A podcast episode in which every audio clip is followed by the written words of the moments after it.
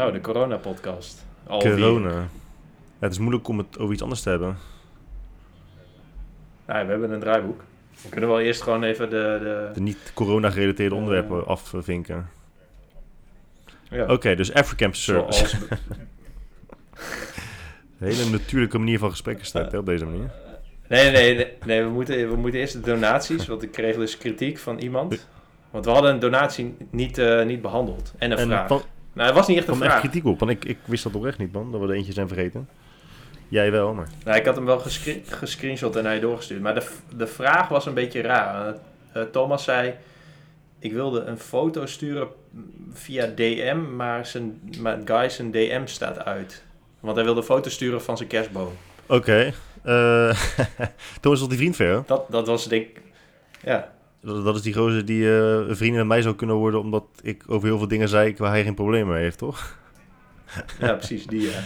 Uh, nou, ten eerste staan mijn DM's niet uit. Die staan wel gewoon aan. Maar hij zal wel geblokkeerd zijn omdat hij altijd Dat zou wel kunnen. omdat, hij, omdat, hij altijd op dickpics stuurt of kerstboomfoto's. En ik weet niet welke van de twee ik erger vind. Nee, maar dit is denk ik weer zo'n geval van dat je naar de klantenservice belt en dat je zegt, yo, luister, bij mij werkt het niet. En dat, dat ik dan moet zeggen, oh, dat is gek, want het werkt normaal gesproken wel altijd. Alleen, in dit geval kan ik er echt niks aan doen. Maar je kan, je kan mij gewoon DM'en. Dus dat is wel gek. Dat is wel gek, man. En wat heeft hij gedoneerd dan, Thomas? Dat hij zo een enorm deel van onze zendtijd al opslokt, nu in één keer. ja, dat maakt niet, dat, dat disclosen we niet.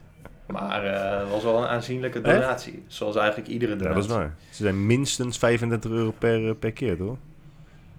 Ja. ja, dus uh, doen we... Ja. Um, nou oké, dan gaan we direct maar naar een andere donatie van Tessa met een vraag. Tessa vroeg zich af of wij een doelgroep voor, zich, voor ons zien. Omdat ze een, het idee hadden dat wij praten voor... Uh, ik weet niet of ik het goed zeg. Een, gewoon mannen zoals wij. En uh, verder gaf ze nog als tip dat we petje af, petje.af kunnen gebruiken als terugkerende donatiemogelijkheid. Betekent dat dat zij uh, een terugkerende donor wil worden? Donateur wil worden? dat, dat, dat, zou toch, dat zou toch mooi, zou zijn? mooi zijn? Tenminste, ik ga ervan uit dat, dat dat wel zo is. Nou, ik heb petje af wel eens geprobeerd, maar toen stond het nog echt in de kinderschoenen en snapte niemand er wat van. En, uh, tenminste, denk ik. En uh, ik was natuurlijk ook Jij niet, niet, zo sympathiek dat, ja, ook. En zo sympathiek dat mensen aan mij gingen doneren. Uh, maar uh, om die vraag te beantwoorden, ja, ik zie niet echt een doelgroep voor me, man. Ik denk heel vaak, uh, ja, ik ben gewoon met Guy aan het lullen. Dat is een beetje hoe ik het zie. Dus ik, ik heb daar een heel simpel antwoord op. Wat denk jij, Guy? Ja, ik vind Tessa's aanname eigenlijk wel een, een goede. Het is een uitspraak van Seth Godin en jij, jij bent ook wel fan van hem, als ik me dat goed herinner. Ja. En het klopt ook echt gewoon. Het is, het is, best, wel, het is best wel cliché, best afgezaagd. Maar het, het is wel het, uh, de, het idee waar ik me eigenlijk al deze jaren aan heb gehouden. Met, met alles. Met zowel schrijven als met podcasten. Ik, ja, het klinkt, nogmaals, het klinkt echt super cliché. Maar ik denk dat wij gewoon onszelf zijn. En je trekt daarmee gewoon de mensen aan die jou leuk vinden om wie jij bent. En niet om het beeld dat je van jezelf aan anderen geeft. En ik denk dat daar ook heel veel mensen tegenaan lopen. Die, die weten niet precies hoe ze zichzelf moeten profileren welke uh, woordjes ze moeten uitspreken, welke tonaliteit, welke dit, welke zus, welke zo. Um, terwijl je gewoon bent wie je bent. Uh, en je trekt daarmee mensen aan. Ja, dat, dat maakt het alleen maar makkelijker. Ja, je hebt, je hebt het wel eens gezegd, toch? Dat, dat, dat je gewoon mensen spreekt in het wild. Dat ze gewoon normaal zijn. En dat je dan opeens een e-mail van ze krijgt. En dat je denkt, hè, maar ik heb, ik heb jou toch wel eens gewoon ontmoet. Waarom, waarom doe je zo debiel? Waarom gebruik jij deze woorden? Het is meestal andersom. Meestal spreken ze via social media en dan zijn ze echt communicatief vaardig en, en heel outgoing. En dan zie je ze in het echt en denk je, oké, nou je bent in principe één stap verwijderd van... Wat was het nou? Van, van een film gisteren? Two-thirds of a retard. ja, lang nee, was, van een, was van een film. Maar uh, ja, andersom uh, heb je het minder vaak dat iemand, uh, on, dat iemand in het echt heel tof is en heel relaxed dan via, via mail opeens heel gedistanceerd doet. Dat heb ik minder vaak meegemaakt. Ja, oké. Maar ja, het komt erop neer dat ik geen doelgroep heb. Nee. Ik vind het relaxed als mensen graag naar ons luisteren om de mensen die wij zijn. En dat we niet, dat, dat heb ik ook zo irritant gevonden altijd. Dat je dan aan je, aan je doelgroep gaat, gaat vragen, of aan je, aan je volgers gaat vragen waar jij het over moet hebben. Ja. Ja, nee. Dus voorstel als wij elke, elke podcast praten over waar andere mensen, dat wij het over waar, waar waarvan zij vinden dat wij het daarover moeten hebben. Ja, maar onderwerpsuggesties zijn toch wel vet? Ik bedoel, je kunt toch, je kunt toch uh, uitgedaagd willen worden om jouw licht ergens op te schijnen. Iets waar je nog zelf nog niet aan hebt gedacht. Zeker. Dat is een ja, beetje... Maar dat moet inderdaad wel iets zijn waar we, waar we iets over, uh, enigszins iets zinnigs over kunnen zeggen. Het, maar dat, ja, onderwerpsuggesties ben ik het dan mee ja, eens, zeker. Het is niet dat we vragen welke, welk t-shirt we deze podcast aan moeten doen. wat nee, en ik denk, ja, ik denk dat als je, ik denk als je dit gesprek niet op zou nemen, dat het gewoon identiek zou zijn aan het, um, aan het wel opnemen. Ik denk dat daar geen, geen verschil in, uh, geen verschil in zit. Nee. Dus mensen luisteren inderdaad gewoon naar een gesprek die wij uh, in het echt ook zouden kunnen voeren. Ja. Of via voiceberichten, via WhatsApp. Ja. Die we misschien, als wij, als wij dood zijn, dat die nog eens een keer op, opgegraven worden, die voiceberichten. en dat iemand daar nog eens een keer een, bun een bundel van probeert te maken. Ik denk dat dat onze legacy wordt. Ja, dat zou wel mooi zijn. Wat, uh, wat, Guy, ergens... wat Guy en Jelmer hier eigenlijk bedoelen, en uh, dit thema komt wel vaker voor. Als je ergens gebalsemd ligt in je, in je piramide en je wordt opgegraven. Ja. Met, je, met je iPhone in huisje. Ja, dat zou toch vet zijn. Dat is wel de droom eigenlijk. Dat je later in een museum terechtkomt en dat via, via speakers al je voiceberichten... oh, dit zou erg zijn. Ik denk dat, dat dat wil je denk ik gewoon niet, man. ik denk niet dat je dat wil. Je, dat, dat, je chatgesprekken op, op behang uitgeprint. Oh man.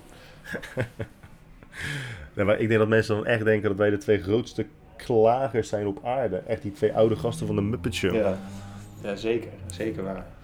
Maar dat valt, dat valt, best, mee, valt best mee. Over klagen gesproken. Mag ik even over KLM? Uh, nou ja, het zou geen, het zou geen uh, uh, zijn als je dat niet zou doen. Ja, ik, vind, ik hoop dus dat dit een vast blokje kan worden. Waarom, waarom KLM niet, niet zo'n leuke airline is.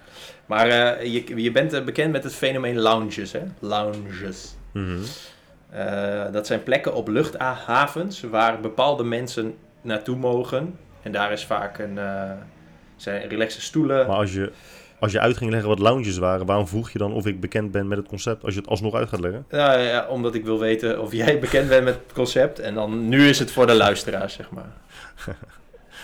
Oké. Maar uh, relaxe stoelen, werkplekken uh, en uh, buffetten of op andere manieren wat eten en barren en drinken waar je van gebruik mag maken, kosteloos. Wanneer je bijvoorbeeld business class vliegt of een status hebt bij een frequent flyer programma. KLM doet het anders. KLM heeft dat ook, maar ze hebben ook een betaald restaurant. En dan zou je denken, oh, dat is toch normaal? Maar dat is dus niet normaal, want KLM had het een, heeft als enige een lounge waar je dan alsnog moet betalen. Uh, maar goed, ze hebben onlangs aangekondigd dat ze die, dat, dat betaalde restaurant gaan sluiten. Um, ja, de, de redenen zijn een beetje een soort van, uh, ja, corona, dit, dat. Maar ze gaan het sluiten, maar in het persbericht zeiden ze... Uh, onze gasten reageerden heel enthousiast en het restaurant was heel populair.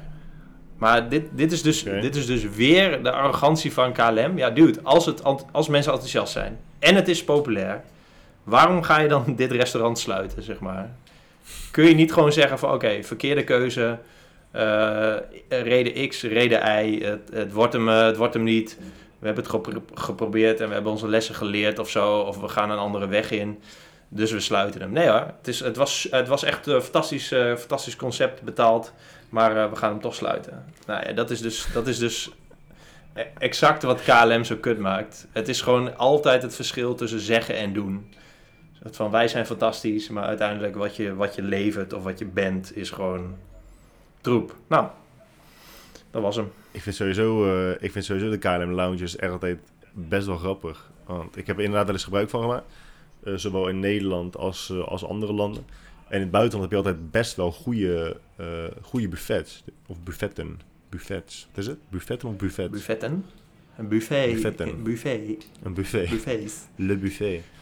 Buffet zijn als je, ja, als je, als je in buitenland die buffetten ging, had je echt rijsttafels. Je had echt gruwelijk lekker eten. En als je bij KLM Lounge naar binnen gaat, had je altijd gewoon voor met drie plakken worst, één plak peperservelaat en als je geluk had... Een zakje, een zakje naturel chips en een blikje bier. dat was het altijd. Dat was echt helemaal kut. Dat was echt helemaal kut. En volgens mij je kan toch altijd al, uh, je hebt toch altijd al uh, toegang kunnen krijgen tot de lounges, maar dan betaald voor 20 euro of zo, 20 of 25 Het ligt een beetje aan. Sommige lounges kan het wel, andere niet. En de, de prijzen zijn uh, wel vaak anders. Je kunt vooraf boeken of met punten betalen of daar ter plekke. Dus het is een beetje een lastig... ja, ik vind, ik, ik, voor mij ben ik één keer op, op Schiphol geweest. Toen ging ik naar, naar lounge 1, kwam ik daar aan. Ja, wegens verbouwing gesloten. Ging naar lounge 2, ja, wegens verbouwing gesloten. En toen dacht ik, weet je wat, je stikt maar lekker in je kutloon. Maar die in, de, in de Dubai kun je ook gewoon douchen en zo. Hè? Je tanden poetsen, dat is echt heerlijk. Man. Ja. Die echt 480.000 verschillende gerechten. Dat is wel nice. Ja, zeker waar. Maar goed, uh, niemand uh, gaat antwoord kunnen geven op, jou, uh, op jouw vraag. Maar het is, wel, het is wel grappig, je ziet het inderdaad wel vaak. Het is hetzelfde als, die, als, als online trainers en, en mensen die dan zeggen... Ja, dit boek is echt waanzinnig goed verkocht. Ik heb, er, ik heb er zoveel van verkocht. En om dat te vieren krijg je nu 80% korting. ja. ja. Dat is heel mooi. Ja. Dat is heel mooi. Ja, ja dat, ja. Dat is... Uh... Het meest gekochte boek alle, het meest verkochte boek alle tijden. Nu voor slechts 3,95 euro. ik zag gisteren nog iets van 97% uh, korting. Een, uh, een online cursus.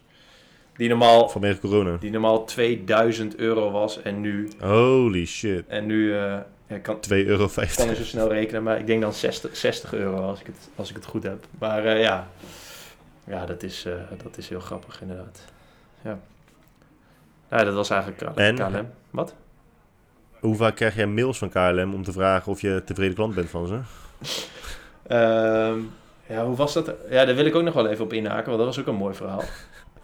Als je lid, als je lid bent van Flying Blue, krijg je dus ook zo'n nieuwsbrief. En die, en die nieuwsbrief kun je niet opzeggen. Normaal kun je unsubscriben, toch? Dat doe ik altijd uh, met veel liefde. Mm. Dan denk ik altijd, oh, ik heb me nooit aangemeld voor deze nieuwsbrief, maar ik schrijf me toch even uit. Alleen dat heeft, dat heeft KLM Flying Blue, had dat nooit. En dan stuurde ik een mail van, joh, ik wil me graag uitschrijven voor deze nieuwsbrief, maar ik zie nergens een linkje, dus kunnen jullie dat uh, doen?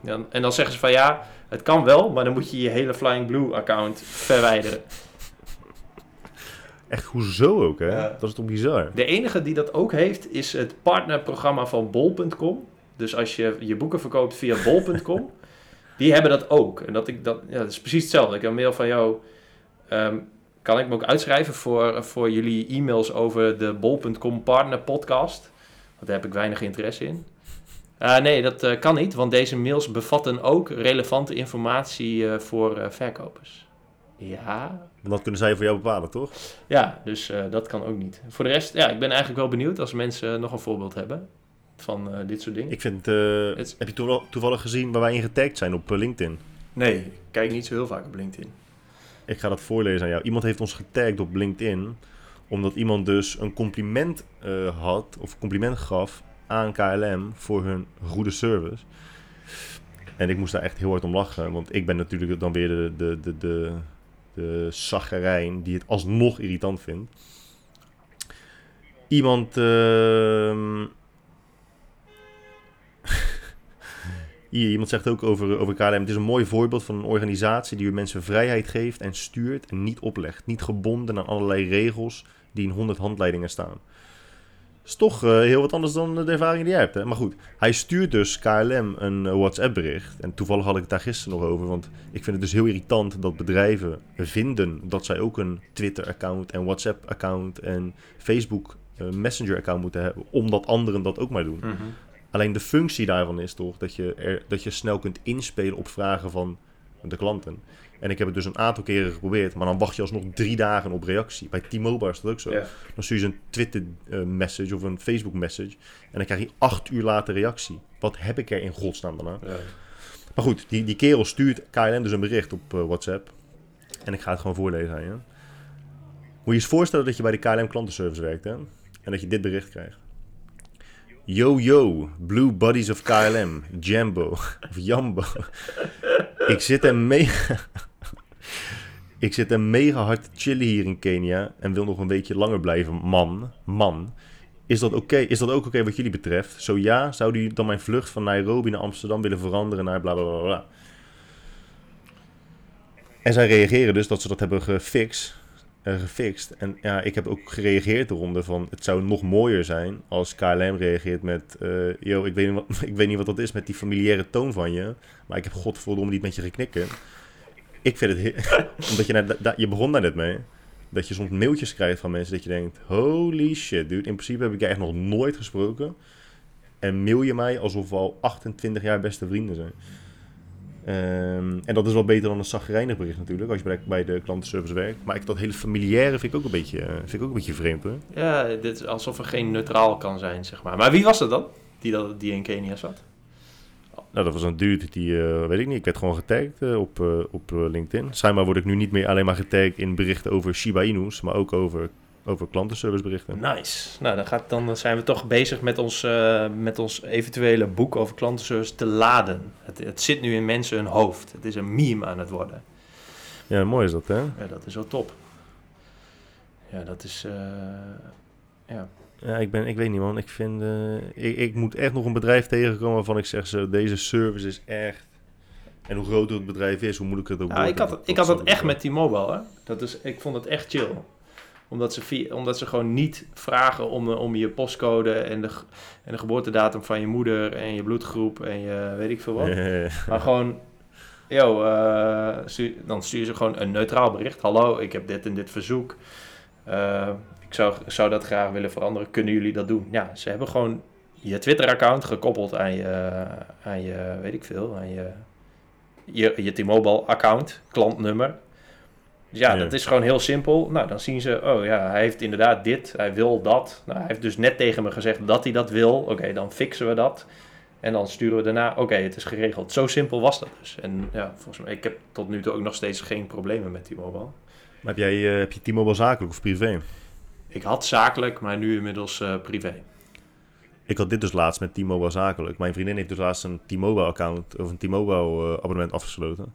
En daar kreeg zij, dan krijg je familievoordeel of zo, weet ik hoe dat, hoe dat werkt. Uh, dan kun je dus allebei korting krijgen. En zij kon dat online, in haar omgeving kon zij dat fixen. Of ik weet, ik weet niet precies. Zij kon in ieder geval een simpele stap zetten om dat door te voeren. En ik kreeg hetzelfde appje als zij kreeg. Alleen als ik dan probeerde in te loggen, dan stond er dat dat dan weer niet op deze manier kon, omdat ik T-Mobile zakelijk heb. Dat is natuurlijk al vreemd, want je krijgt instructies om het op een bepaalde manier te doen. Dan doe je dat, dan komt het systeem erachter dat je dus een ander account hebt dan zij hadden verwacht. Dan ben je de uitzondering. Dan zeggen ze, je kunt het niet op deze manier doen. Je moet het op deze manier doen. Dus toen moest ik bellen. En dan bel ik. En dan zeggen ze alsnog... Uh, ja, het, als het zou kunnen, had het inderdaad via deze weg moeten doen. Maar, gedaan had je het via via deze weg moeten doen. Maar het kan nu nog steeds niet. En alleen zij kan gebruik maken van die korting. Want met T-Mobile zakelijk kun je het niet krijgen. Maar dat is toch helemaal niet zo moeilijk om gewoon direct in de allereerste instructie al door te geven. Je moet eerst door één hoepeltje heen springen.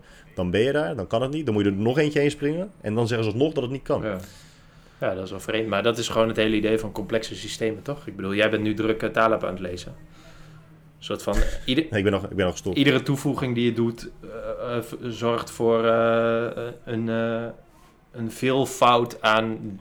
aan, aan opties en uh, mogelijkheden en uitzonderingen en zo. Het wordt gewoon echt alleen. Ja. Dat, maar dat is volgens mij toch ook het probleem van grote bedrijven. Ik bedoel, een simpel bedrijf, één persoon, een, een, uh, een bakker op de hoek. Yo, ja, mijn, uh, mijn brood, er zat een muis in, man. Oh ja, sorry man, hier heb je een brood en een zak croissants. Dat is het gewoon. En ieder, ja. iedere complexiteit, twee vestigingen, nog meer medewerkers, verschillende soorten brood, verschillende soorten muizen ja, dat is allemaal. Uh, dan maakt het allemaal extra, extra complex. Nee, sorry man. Uh, mijn, mijn, mijn, vrouw bij, uh, bij die andere vestiging die gaat over specifiek deze muizenklachten. en dan moet je daar even naartoe. Maar waarom slagen bedrijven als Bol.com en Coolblue en zo dan wel in? Tenminste, Bol.com denk ik iets, iets minder dan Coolblue. Maar Coolblue is, gewoon, is er echt buitengewoon goed in. Ja, ja ik, ik wacht nog steeds tot iemand van Coolblue reageert. Of misschien moeten we zelf wat proactiever. Maar ik ik wil wel graag praten met uh, iemand die daar verantwoordelijk voor is binnen zo'n organisatie. Ik weet niet of het echt ja, zo is. Ik, nee, ik neem aan van wel. Ik bedoel. Uh... Ik heb echt wel vaak het idee gewoon dat, dat het, uiteindelijk is het een kwestie van willen. Weet je wel, het is weer hetzelfde als, als de persoon die zegt dat het via zijn systeem niet kan. Terwijl je weet, je weet donders goed dat het wel kan. Uh, het komt zo vaak neer op een gebrek aan wilskracht of een gebrek aan bevoegdheid van de kleinere poppetjes in het, in het spel. Daar heb ik laatst ook nog over gehad. Volgens mij is daar een keer een onderzoek naar geweest in Amerika. Um, naar klantenservice afdelingen en welke afdelingen het meest efficiënt functioneren en de beste of de meest positieve toegevoegde waarde hebben voor, de, voor, de, voor het functioneren van het bedrijf. En volgens mij kwam het neer op het feit dat mensen van de klantenservice gewoon veel meer bevoegdheid moeten krijgen. Volgens mij zeiden die bedrijven tegen die mensen: joh, je mag echt um, beslissingen nemen over alles. Tenzij het echt een noodsituatie is, als er een noodgeval is, dan bel je een manager of uh, een directielid of wie dan ook. Maar anders mag je alles zelf uitvogelen en oplossen. Ja. En ik denk dat je dan inderdaad weer het menselijke teruggeeft aan, aan het bedrijf. In plaats van dat je mensen handleidingen geeft. En ja, als ze daar één kleine, uh, als ze een klein zij zijwegje in moeten slaan, dat ze in paniek raken. Of gewoon niet weten wat ze moeten doen. Ja, dat zal wel het verschil zijn. Maar, ik, denk dat, ik denk dat het gewoon de. Ja, ik weet niet, ik ga nu ook aannames doen. Maar dat het gewoon de benadering is in zo'n training van zo'n callcenter medewerker. Zo van, yo, wat jij zegt, van, yo, je, mag alles, je mag alles zelf beslissen. En het enige doel is die klant tevreden maken. En uh, dit zijn je tools en kijk maar even, zeg maar. Ja. In plaats van, ik denk dat mensen dan echt een heel stuk verder komen. In plaats van dit is de map met instructies en uh, succes met puzzelen. Ik sprak laatst iemand die uh, is projectmanager bij een redelijk bekend Nederlands bedrijf. Ik ga de naam even bewust niet noemen. En die moest dus de klantenservice instructies herzien. En ik overdrijf niet. En wellicht hoort ze dit en kan ze me achteraf corrigeren. Maar ik meen me te herinneren dat ze zei dat die handleiding voor, de mensen op de klantenservice niet is geüpdate sinds 2007. Top. Ja, dat is natuurlijk ja, dat is best, dat is best kut.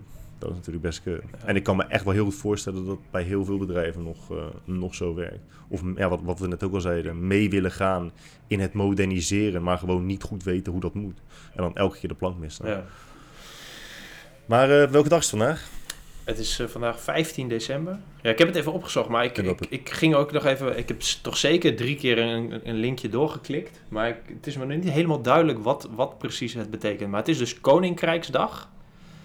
Maar het is ook Naturalisatiedag. En volgens mij is dat een dag waarop uh, nieuwe Nederlanders feest vieren dat zij Nederlander zijn geworden. Volgens mij is dat een beetje het idee. Maar die Koninkrijksdag is een dag die, uh, die is uh, bedacht of in werking gesteld of er is over een hamertje over geslagen toen nog Nederlandse Nieuw-Guinea er was en Suriname en de Nederlandse Antillen de, nog de, de Nederlandse Antillen heten.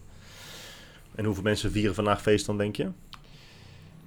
Um, ik weet niet hoe, ik kan me niet inbeelden hoe belangrijk dat is voor sommige mensen, maar nou, misschien wel. Ik kan me wel best wel voorstellen dat mensen het echt heel blij zijn met het, Nederlands, het verkrijgen van een Nederlands paspoort of Nederlands staatsburgerschap.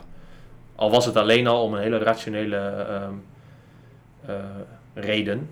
Ik weet niet of dat iets is, een rationele, een rationele reden. Maar dat een Nederlands paspoort gewoon heel veel waard is om te hebben. Nationaal, welke dag was het vandaag, zei je? Nationalisatiedag? Naturalisatiedag en Koninkrijksdag. Naturalisatiedag. en op Wikipedia staat dat het sinds 2006 een wettelijke verplichting is voor gemeenten om deze uh, dag te organiseren. Ik weet niet precies wat dat inhoudt en wat het inhoudt als je niet de dag organiseert.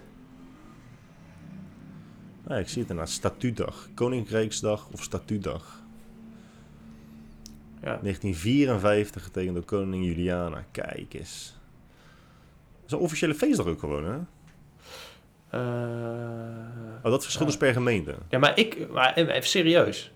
Het is toch, dat zou toch vet zijn, omdat je gewoon dan op zo'n dag, weet ik veel wat voor manier, om, om mensen te spreken die in de voorbije jaren Nederlander zijn geworden. Dat is toch cool? Dat is toch, ik weet niet. Dat, volgens mij kun je daar alleen maar iets goeds uit halen. Dat denk ik inderdaad ook wel. Maar dat is weer, dit is weer zoiets waar, waar je echt, tenminste waarvan ik nog nooit iemand... Ik ook niet. Nog nooit gehoord. Iets heb horen zeggen. Ik zit even te lezen, het is wel interessant. Het wordt ook echt gevierd, uh, volgens mij. Uh. Grappig, joh. Ja, mooi man. En uh, de geboortedag van uh, Keizer Nero. Ja, en ik, die naam kom, heel vaak, kom ik heel vaak tegen, maar ik weet eigenlijk niks van Als ik bij wie de, de, de, slimste mensen zou zitten en je moet dan vijf eigenschappen van zo'n vent opnoemen, dan zou ik zeggen: Romein, keizer, stop. Dat zou ik dan zeggen. nou ja, ik weet ook niet veel van hem. Ik, het enige wat ik van hem weet is van het boek van Seneca. Seneca was filosoof en zijn adviseur. En die schreef brieven naar hem. En die brieven zijn opgenomen in dat boek. Je hebt dat boek er ook gelezen, dacht ik, of niet? volgens mij niet van Seneca. Ik heb weinig van die stoïcijnen Ja, maar dit is wel mooi, man. Dit is wel, uh, dit is wel, uh, wel mooi. Want uh, Nero, en nogmaals, ik ga nu een paar aannames doen en ik weet dus niet of ik het helemaal goed zeg. Maar Nero werd volgens mij best wel op jonge leeftijd keizer. En hij was behoorlijk agressief. En hij liep dus echt heel vaak tegen dingen aan. En daarvoor schakelde hij dus altijd het advies in van, van Seneca. En die brieven zijn best, wel, zijn best wel tof, omdat het gaat natuurlijk over keuzes maken die wij ons niet eens kunnen bevatten. Maar toch zie je dat de cognitieve processen die daaraan vooraf gaan gelijk zijn aan heel veel dingen waar je nu nog steeds tegenaan loopt. Het is best, het is best een interessant boek hoor. Ja. Letters from a Stoic. Ik zou het, uh, ik zou het een keertje lezen als ik, als ik jou was. Volgens mij, je, leest al best wel veel of niet? Ja, vanochtend nog lekker even een uurtje in de boekhandel geweest. Mooi man. Ik heb een mooi boek, mooi boek meegenomen. Ik zag het ja, over godsdienst en goden en zo. Ja, en die andere was Explaining Religion. Dat is wel echt cool. Weet je, ook uh, heel veel dingen waar Verveki het over heeft. Waar het vandaan komt, zeg maar. Dat, het niet, dat alle religies niet uit één ding komen. Maar het is gewoon het meest logische wat uh, was wat er gebeurde als mensen samen gingen leven. Een soort van een, een politiek resultaat of zo. Dat, dat, ik vind het wel mooi. Ik ben er net in begonnen hoor, maar het is wel echt, uh, echt interessant. Dus je hebt een soort van sociale verklaring, uh, sociologische verklaring en, en een uh, evolutionaire verklaring. Dat soort dingen. Ja. ja. Vet. Ja, we hebben het er vorige week ook even over gehad natuurlijk. En ik vind het, ik vind het ook een interessant, een interessant onderwerp. ik vind het ook heel interessant als op een gegeven moment de discussie gaat over of moraliteit zou bestaan als religie nooit zou bestaan. Ja, dat, Komt dus ook voor in het, in het eerste hoofdstuk. Oh, en wat is daarvan de conclusie? Dat moraliteit is ontstaan door religie? Nee, dat het wel met elkaar te maken heeft, maar dat, je kunt dat niet zo zeggen, zeg maar. Nee, precies. Omdat veel gelovigen, die, die, ja, die zijn wel van mening dat uh, moraliteit is ontstaan vanuit het geloof. Want als je niet gelooft in iets dat groter is dan jij, um, en dus um, invloed kan uitoefenen op het eindresultaat van jouw bestaan, dat je dan minder reden hebt om een goed mens te zijn. Maar goed, daarom dat ik uh, ja, maar dat, dat... nogmaals benoemen dat je de boeken van Christopher Hitchens ook echt wel echt een keertje zou moeten lezen. Hoor. Als tegengeluid op de boeken over al het mooie van het geloof. Ja, ja, ja. Oké, nou, goed idee. Maar uh, daar staat, in dat boek staat ook dat een of andere, ik weet even niet welke filosoof, ik heb het boek ook niet naast, maar ik denk Voltaire.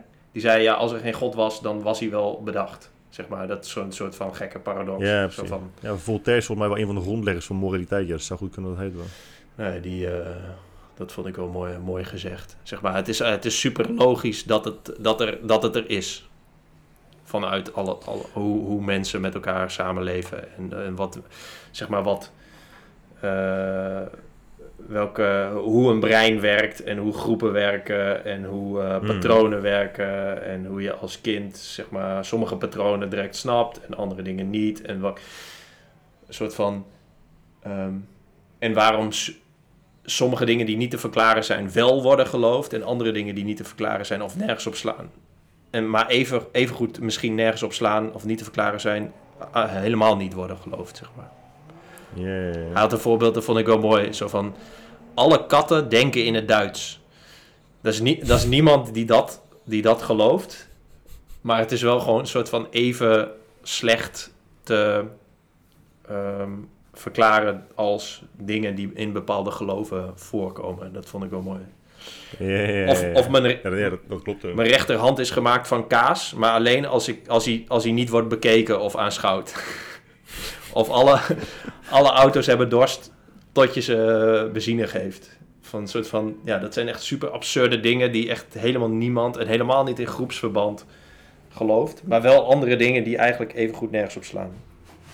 Ja, voor mij is toch, uh, je hebt ook uh, de, de Flying Spaghetti Monster. Ja, ja precies dat. Uh, maar dat... Dat argument, dat, dat sluit daarop aan, toch? Ja, klopt ja omdat het gewoon... Voor de luisteraar, Flying Spaghetti Monster is dus... Eh, dat is het argument dat je kunt zeggen... joh, er eh, is een vliegend spaghetti monster... die uh, vliegt om de aarde heen... en die, die heerst over ons allen.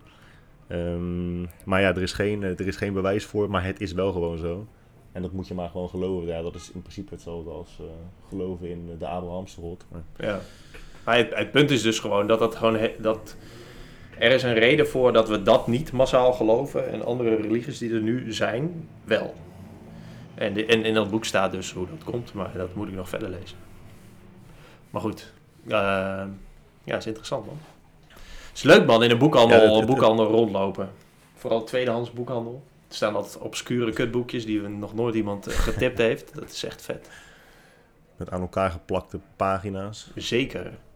Ja, in deze, in deze waren, de, waren dus... In deze waren dus dingen geel geasseerd. Maar daar kwam ik pas achter toen ik hem al had gekocht. En toen dacht ik ook... Hè, ja, ik, vind dat best, ik vind dat best grappig. Sorry. Ik zei, ik dacht... Dude, heb je nou echt deze alinea geel geasseerd? Nou, daar snap je, daar snap je er echt niks van. maar dat is dus grappig dat je dat zegt. Want ik markeer dus... Sorry, jij zegt asseren. Ik, ik gebruik even mijn favoriete uh, woord daarvoor. Mijn favoriete term. Ik markeer ook altijd dingen in het geel. En dan een paar maanden later uh, dan sla ik hetzelfde boek open en dan, en dan blaad ik door de pagina's heen. En dan kijk ik dus naar wat ik destijds heb gemarkeerd. En dan denk ik, dude, wat dacht je toen je dit markeerde? Ja. Maar het is, het, is, het, is, het is echt een heel bizar fenomeen. Want je kijkt ernaar alsof iemand anders het heeft gemarkeerd. Het staat zo ver van je bed.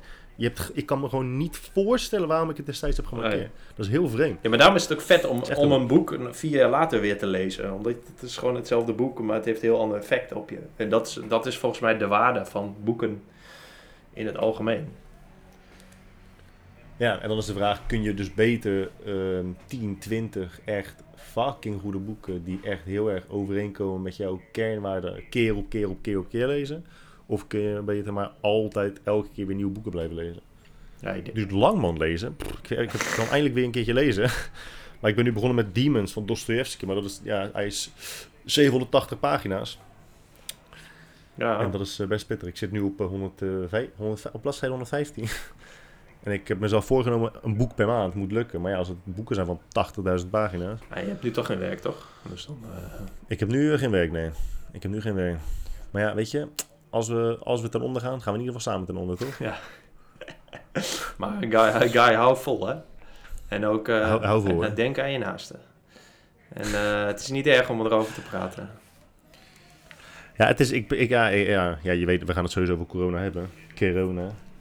Ja, het is al half, ja, half uurtje corona het, uh, ja. Ik, ik, ik, vind, ik vind het wel echt heel bijzonder hoor. Ik vind het echt... Uh, ik heb er nu al meerdere keren over gepodcast. Wij hebben het er nog niet, nog niet echt over gehad, toch, over corona? Ja, ook wel. Dat, dat, dat hadden over dat je in het begin best wel uh, uh, strikt de regels opvolgde. En nu nog steeds, maar wel, maar wel iets minder. Ja.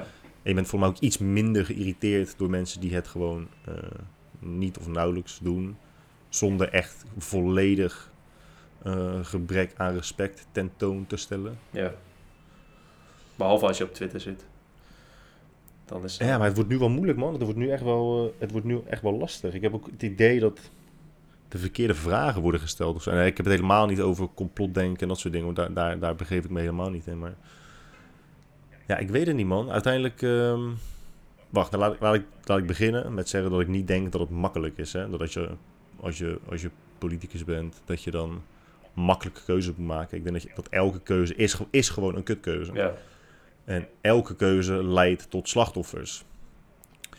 Ik denk alleen dat ze de gradaties waarmee ze, of de, de maatstaven waarmee ze uh, slachtoffers beoordelen. Momenteel is dat, als je doodgaat, is dat gewoon het allerergste wat kan gebeuren. Toch? Dat, dat, want dat is, dat is uiteindelijk het doel, zo weinig mogelijk mensen dood laten gaan. En daarvoor kies je dus andere slachtoffers. En dat zijn wel generaties jonge, gezonde ondernemers die bijna een jaar lang moeten inleveren op levenskwaliteit. Ja. Waarom is dat een minder erg slachtoffer dan ja, 70-plussers met onderliggend lijden? Die, ja, die, die sneller overlijden. En ik zeg niet dat mensen die overlijden niet erg is. Ik vraag me alleen af ja, ja, waarom die slachtoffers erg zijn. Dat zijn wel meer mensen die zich dat afvragen, toch? In verschillende gradaties. Ja, en, dat is, en dan is het tegenargument is dan vaak, ja, maar wat nou als het jouw opa was? Of wat nou als het jouw oma was? Ja, maar wat nou als het jouw onderneming was? Dat, dat is dezelfde, dezelfde vraag die je terug kan stellen. Ja. Het is meestal als je je geen zorg hoeft te maken over of je je hypotheek wel of niet kan betalen. Of je wel of niet uh, je kinderen nog kunt voeden.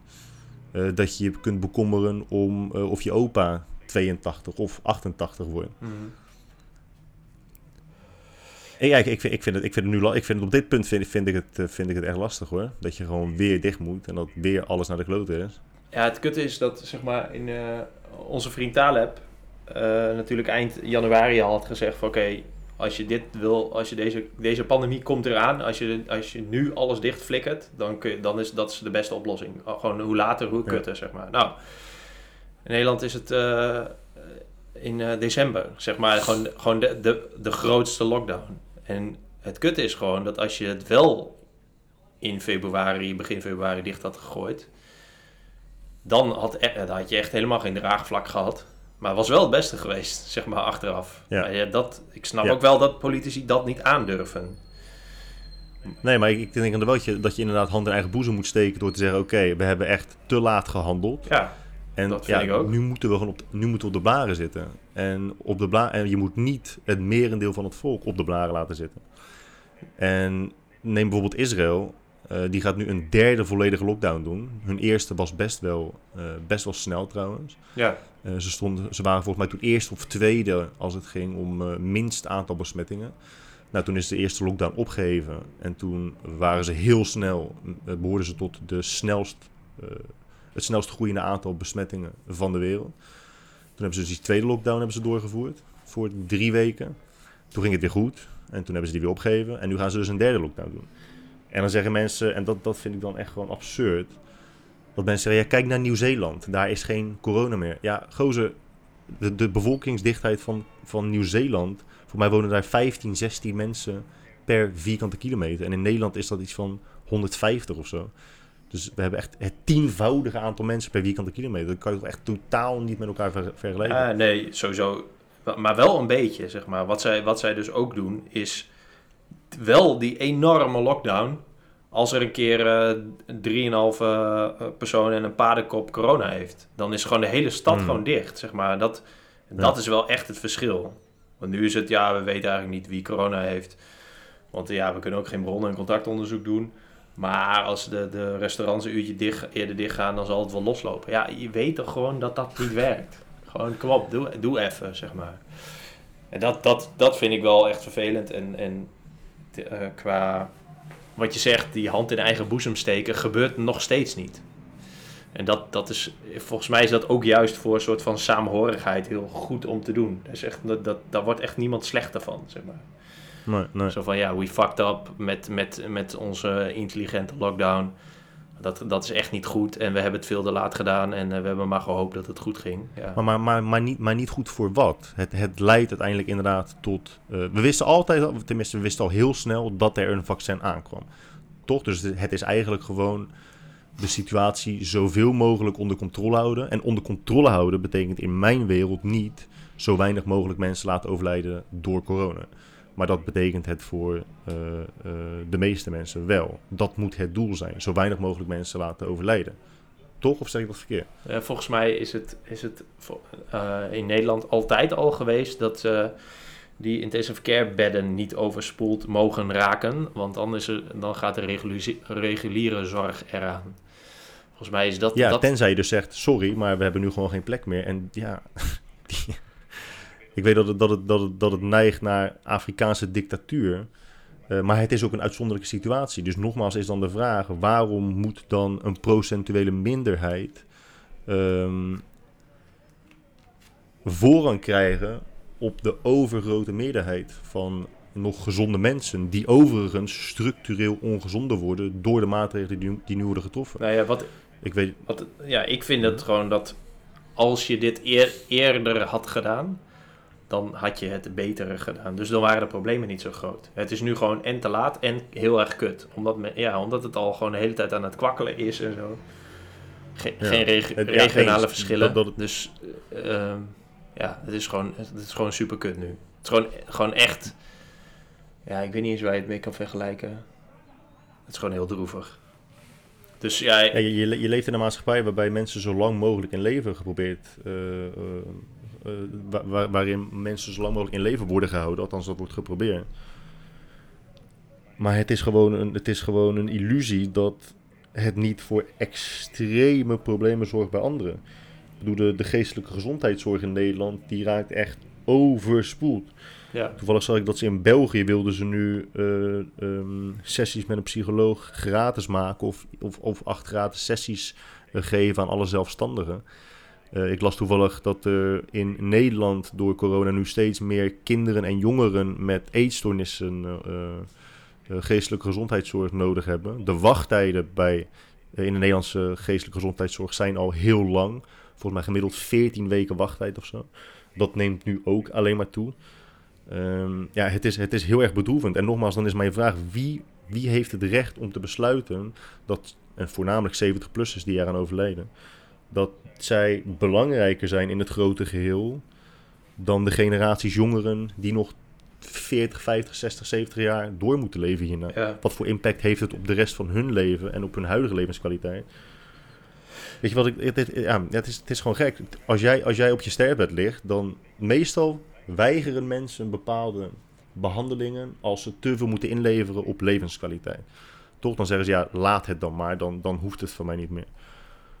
Nu wordt er dus ingeleverd op andermans levenskwaliteit om anderen te redden. Ja, maar ik weet niet of dat een eerlijke rel is. Nee, ja, dat, dat is dus wat zal moeten blijken. En ik denk, je zou wel eens gelijk kunnen hebben dat we, dat we over vier jaar uh, zien wat voor uh, enorm effect het heeft gehad. En dat je dan had kunnen zeggen van, joh, het had anders gemoeten. Maar ja, dat kun je inmiddels, inmiddels ook al zeggen. Maar het, het idee is volgens mij dat deze geestelijke gezondheid, die bij iedereen iets achteruit gaat, behalve bij de CEO van Coolblue en Bol.com en uh, alle, alle webshops Um, dat dat een offer is wat je dan als uh, gemeenschap moet brengen om de zwakken te beschermen. Dus dat is gewoon een soort van... Ja, maar dat is iets, dat is mens eigen. Ja. Dat, dat is niet, dat is, dat is tegen de natuur in.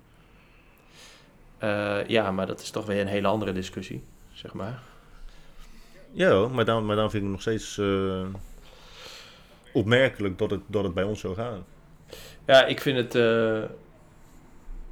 Um, ik vind, ja, ik vind, het, ik vind het voornamelijk raar dat het, dat het een soort van. Uh, dat de Nederlandse, het Nederlandse idee van polderen en iedereen is gelijk. En als jij, jij dit, dan ik dat ook. En als jij niet dat, dan ik dat ook niet.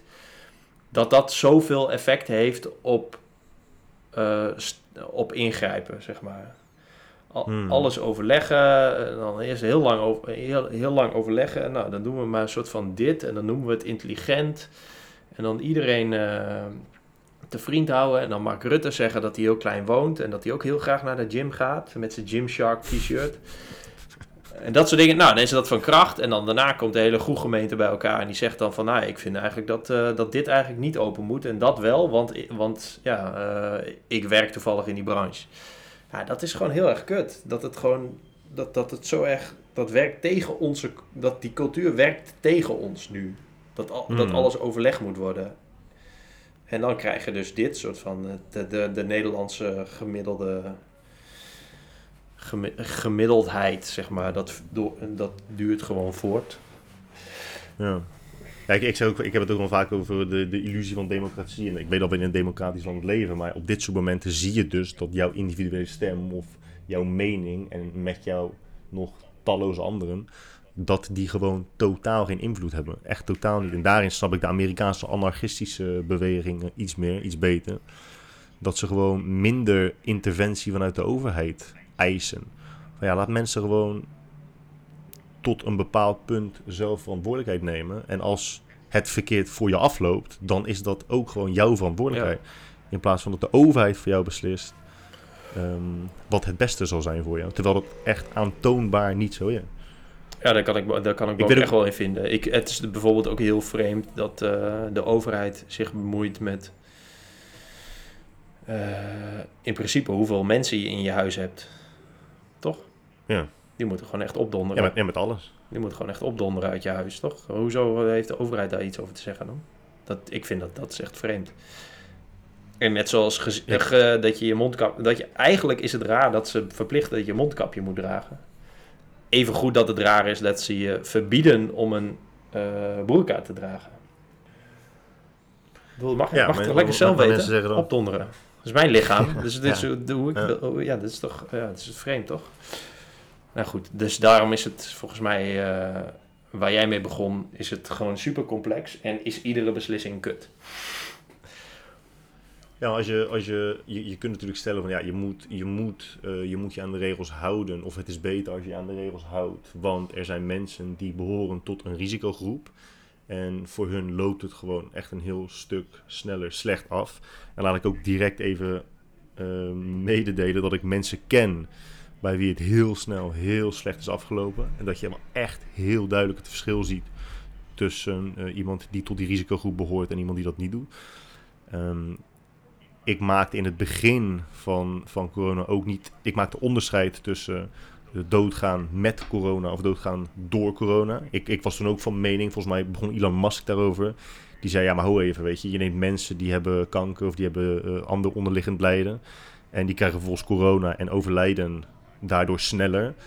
Uh, dat kun je niet scharen onder overlijden door corona. Je overlijdt met corona. Nou, inmiddels kom ik daar wel op terug. Want uh, je ziet gewoon om je heen dat mensen die, ondanks dat ze terminaal zijn verklaard, nog zeker drie, vier, vijf, zes plus jaar hebben met redelijk goede levenskwaliteit, vervolgens corona krijgen en direct afgevoerd worden naar het ziekenhuis en echt niets meer kunnen. Dus daar moet ik op terugkomen. Dat, die, die mening heb ik echt niet meer. Je gaat echt wel gewoon dood door corona als je tot een, bepaalde risicogroep behoort. Maar als je dat weet, dan kom je ook gewoon niet buiten. En dan laat je ook gewoon niet uh, je, je naasten over de vloer komen. En dan ga je niet uh, biljarten in Rotterdam-Zuid. Dat soort dingen moet je dan zelf niet doen. Maar dat moet niet de overheid voor jou besluiten. En de overheid moet het helemaal niet voor jou besluiten door te zeggen... omdat er mensen zijn die tot een risicogroep behoren en snel in het ziekenhuis belanden... daarom moeten alle fucking winkels dicht. En we gaan ook nog eens deze winkels niet essentieel noemen. Want hoe gaat, hoe gaat de eigenaar van, van die winkel vervolgens zijn hypotheek betalen dan? Ja, het is nu natuurlijk maar een maand en dat is echt wat te overzien. Maar niet inderdaad, wat jij net al terecht zei, niet na al tien maanden lijden.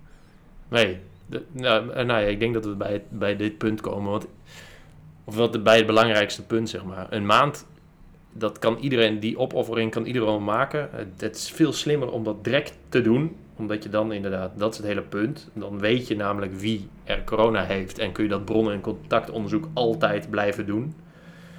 Dan kun je namelijk ook heel veel dingen weer loslaten. Dan kan superveel, kan eigenlijk meer dan het hele jaar heeft gekund. Um, en dan kun je het regionaal terugschroeven. Maar goed, ik denk dat we iets te veel uh, de, de virologen pet op hebben. Nu. Toch? Ja, ik weet, ik weet niet of je. Nou, nou, nou ik, ik, ik zou echt nooit uh, stellen dat ik ook maar iets van het virus weet. Uh, als het om de fijnere details gaat hoor. Maar als je gewoon. Maar we zijn wel allebei Talibianen. Dus we weten eigenlijk. Wij zijn wel allebei Talibianen. Nee, maar dat. Ja, als je nu. En, ja, dat. dat mm het, is, het is wel die. Ik weet niet of die Bert Slachter kent. Een. Uh, iemand die een website heeft die heet Lekker Cryptisch, gaat over crypto, maar hij schrijft over complexe systemen en haalt de hele tijd met zo'n beetje alles Taleb aan. En die is nu een soort van de corona-expert die in dat Red Team zit. En het Red Team is een soort van... Uh, en dat is eigenlijk van Lekker Cryptisch, ook ja. Want Lekker Cryptisch ken ik wel, ja. Ja, die, die, uh, het Red Team is een soort van uh, niet officieel OMT die ook adviezen geeft om een soort van het OMT weer te toetsen. Maar goed, die haalt de hele tijd Taleb aan, omdat het gewoon, om, ja, omdat die gewoon verstand heeft van hoe zo'n systeem werkt. En uh, hmm. um, ja, ik denk dat dat heel belangrijk is om, om, om, uh, om deze situatie te snappen. En, ik, en, en hij, hij zegt het ook wat terecht, dat, dat als je het inderdaad sneller had gedaan, dan was het waarschijnlijk niet tot dit punt gekomen. Maar we zijn nu wel op dit punt. En dan moet je ook op basis van de huidige omstandigheden. Ja, maar dan is, het, dan is het toch goed om dit te doen, zeg maar eigenlijk. Ja, dan, dan heb ik er geen kritiek op. Een soort van, we zijn nu eenmaal hier, ja, dan, dan, moet, dan moet dit waarschijnlijk even, weet ik veel. Maar dat het eerder ja, had gemoeten, ik, zei, ik zei het in februari al. Nee, maar ja, dat, dat, dat is wel zo, zeg maar. Ik heb toen ook, dat, toen heb ik het al gezegd. En uh, ik heb gewoon de hele tijd hetzelfde gezegd tot aan nu. Maar, maar, maar, waarom, maar waarom denk je dan dat het in Nederland anders zou zijn dan in Israël? Waar ze het dus wel in februari al deden. Volledige lockdown. Uh, aantal besmettingen liep inderdaad af tot het punt waarop de meeste landen zeggen... nu is het oké, nu kunnen we de lockdown opheffen. Hebben ze gedaan. Uh, opheffen, sorry, hebben ze gedaan. vervolgens escaleerde het weer. Tweede keer lockdown. opgegeven, escaleerde het weer, nu derde lockdown. Dus het haalt het idee dat een complete lockdown per definitie werkt, ja, haalt het al onderuit. Je had toch in Australië dat ze 128 dagen geen enkele besmetting hadden en opeens is het er. Ja, ja volgens mij was dat Nieuw-Zeeland, maar uh, dat, dat klopt wel, ja. Ja, dat weet ik niet. Uh, ja, ik ken de situatie in Israël niet. Het, uh, uh, cultuurverschillen, um, bewegingsverschillen, weet ik veel. Het weer, toeval, dat kan toch allemaal um, effect hebben. Ja, in, in Israël hebben ze gewoon gezegd, luister, de, de, de meest praktiserende gelovigen, die, die veroorzaken het probleem. Want die hebben de scheid aan, die, die denken dat God ze toch wel redt. Dus die blijven gewoon met z'n allen bij elkaar komen. Maar dat zie je in de gereformeerde gemeenschap in Nederland, zie je dat natuurlijk ook. Die gaan nog steeds met 500 man de kerk in. Ja, maar volgens mij, dat zijn echt wel uitzonderingen hoor. Dat is gewoon één keer één kerk in het nieuws geweest. En daar spreekt dan heel Nederland schande over. Maar ja, ik, ken ook genoeg gelovigen die gewoon lekker wel via Zoom hun... Uh, Maar zijn dat gereformeerd of zijn dat... Nee, uh... nee. Nee, klopt. Nee. Nee, maar ja, ik, ik, ik, ik, ik woonde destijds uh, niet in Rotterdam. En dat was ook in de buurt van een gereformeerde kerk. En nou ja, ik kan je wel vertellen dat het, dat dat niet ging zoals het zou moeten gaan, zeg maar. Dat was, dat was wel echt wel heftig. Dat was gewoon elke, elke week gewoon, uh, gewoon groot feest. Met schreeuwen. Keihard, Met schreeuwen keihard zingen. Ja, het is lastig man. Maar goed, weet je, op basis van de huidige omstandigheden denk ik, dit, dit, is, dit, is, wel gewoon, dit is wel gewoon echt kut. Ik heb zoveel mensen en bekenden en vrienden die in, die in de horeca werken en die zijn helemaal naar de kloten. Ja, ja. Dat, uh, dat is echt, uh, dat is fucked up. En dat ik, ik ja, je moet, je moet het je wel gaan analyseren met een, met een parlementaire enquête. Want ja, als je gewoon als, als uh, kabinet heel veel kutte beslissingen hebt genomen, ook al zijn die beslissingen super moeilijk, ja, dan moet je daar wel voor, uh, hoe heet dat? Ja, niet berecht worden, ik wil dat, dat wil ik niet zeggen, maar ja, op een gegeven moment moet er gewoon wel de balans opgemaakt worden. Hmm. Vind ik. Maar dat, nee, dat, dat zal hier niet zo heel snel gebeuren. Tenzij we een of andere staatsgreep krijgen. maar dat, dat, wat, ik, wat ik dan interessant vind, gewoon even puur vanuit uh, uh, een beetje een filosofische gedachte. Wat nou als je dus wel had gekozen voor, in ieder geval op dit punt, van joh luister, het loopt echt helemaal te klauwen. Ik zeg niet dat ik dit zou willen, ik vraag me alleen af wat er dan zou gebeuren. Mm -hmm. Dat, uh, dat Rutte op tv waarschijnlijk zegt, joh luister, het is echt helemaal te klauwen gelopen. Uh, we hadden inderdaad veel eerder een uh, lockdown aan moeten kondigen. De IC's raken vol. Ik weet overigens niet of dat zo is. Maar goed, laten we even maar vanuit gaan dat dat klopt. Want ik ken ook mensen in de zorg die zeggen, nou, ik weet niet, maar ik ben gewoon om de week vrij omdat er zoveel personeel is en er is ook nog gewoon genoeg... Uh, ja, maar dat, dat is geen argument, toch? Ik bedoel, dat, dat, dat is alleen maar goed. Nee, nee precies. Ik, ik, ik, ik weet alleen maar dat, dat het gebeurt en dat, dat die twee elkaar dus wel, uh, dat er wel contradicties zijn. Want in het nieuws hoor je constant: het is vol, we hebben, we hebben te weinig personeel, iedereen is overwerkt. Maar het personeel zelf zegt: nou, dat valt eigenlijk best Nee, maar het punt, het punt is dat uh, voordat het vol is, de, de, de laatste verdubbeling voordat het vol is, is het nog half vol. Dat is een beetje ja, precies, het, het ja, punt ja, van, uh, van exponentiële groei. Dus en ja. Ja, precies. Ja, daar moet je voor waken. Maar dat, maar dat, maar dat, maar dat ze dus zeggen: oké, okay, nou op dit moment is het, is het echt vol. Uh, er gaan nu gewoon heel veel mensen uh, besmet raken die niet in aanmerking komen voor zorg, want er is gewoon geen plek. Dus er gaan gewoon echt heel veel mensen dood. Oh ja, dat, dat, jouw, dat je, dat je, jouw gedachte-experiment is dat, zeg maar. Zo van dat dat zijn speech ik was. ik, ja, ik, nou ja, ik vraag me af, wat, wat, wat, wat, wat zou dat doen? Wat zou dat doen? Dus je, je kiest gewoon voor meer sterfgevallen. Nee, we, kunnen niet zeggen, we kunnen niet zeggen dat dat nooit in het verleden is gebeurd. Alleen niet in Nederland. Maar wat, wat zou er gebeuren als hij zegt van... joh, dit is de situatie, het raakt vol. Um, superveel meer cases. De prognose is dit. Want als het zo blijft verdubbelen, dan hebben we dan en dan zoveel cases. Dat is ook, dat is ook best wel Talebiaans, zeg maar. Dat hij zegt mm. van oké, nou ja, zie maar wat jullie doen, zeg maar, volk. Yeah. Kijk maar, los het yeah. zelf maar op. En Taleb zegt van oké, mensen gaan vanzelf wel, vaak wel heel erg laat, maar gaan zelf wel zich isoleren. De poorten dicht van hun stadje, zeg maar, zoals dat vroeger ging. Uh, afstand houden en, uh, en dus bijvoorbeeld mondkapjes meer dragen, zodat er meer cases komen. Nou, ik ben blij dat je dat als conclusie hebt, want dat is dus ook mijn gedachtegang. Ik denk dat bij een. Ja, het is heel gek. We hebben nog nooit echt, echt een pandemie op deze schaal meegemaakt. Maar in mijn hoofd, als iets echt zo gevaarlijk is als dat de media doet geloven, dan zie je dat zelf ook wel in. Omdat je dan links en rechts mensen om je heen ziet en hoort die er gewoon aan overlijden. Ja. Maar die, ja, ik, ja, ik ken ze niet. Ja, 70, 80, 90-plussers, die, die heb ik wel eens voorbij horen komen van, van uh, directe naasten en bekenden. Maar ja, als jij niet hoort dat er constant 30-plussers overlijden, ja, dan, dan zie je ook niet heel snel het nut in van je zaak een jaar lang sluiten. Nee, dat, dat snap ik heel goed. Dat is echt super moeilijk uit te leggen. Nou, zijn we er, zijn we er uh, over eens. Volgende keer gewoon die speech. Zo van, joh, dit is de situatie. het wordt super kut. Kijk maar even. Ja. Ja, het blijft een interessante kwestie, man. Maar je wilt het hebben over, uh, over uh, schildpadden? ik heb hem ook gezien. Het was echt een fucking mooi filmpje. Wel heftig, hè? Maar ik vind het altijd zo irritant. Dit, gaat dus over een filmpje van, uh, van Nature is Metal op, op Instagram. Is een, is een account die best wel heftige content deelt als het om de natuur gaat. Het beste, het beste account om. Het is, het, het is precies wat Instagram normaliter niet is. Precies het tegenovergestelde.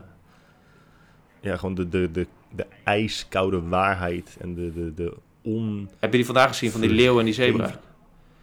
Oh ja, ja, maar dat is, ja, het is wel heftig hoor. Het is wel heftig. Maar wat ik dan irritant vind is dat dan mensen reageren met: Oh, ik zou echt helpen. Er wordt dus een, een schildpad opgevreten door een haai. En je ziet dat, die, dat, dat schildpadje die doet echt alles aan om te ontsnappen.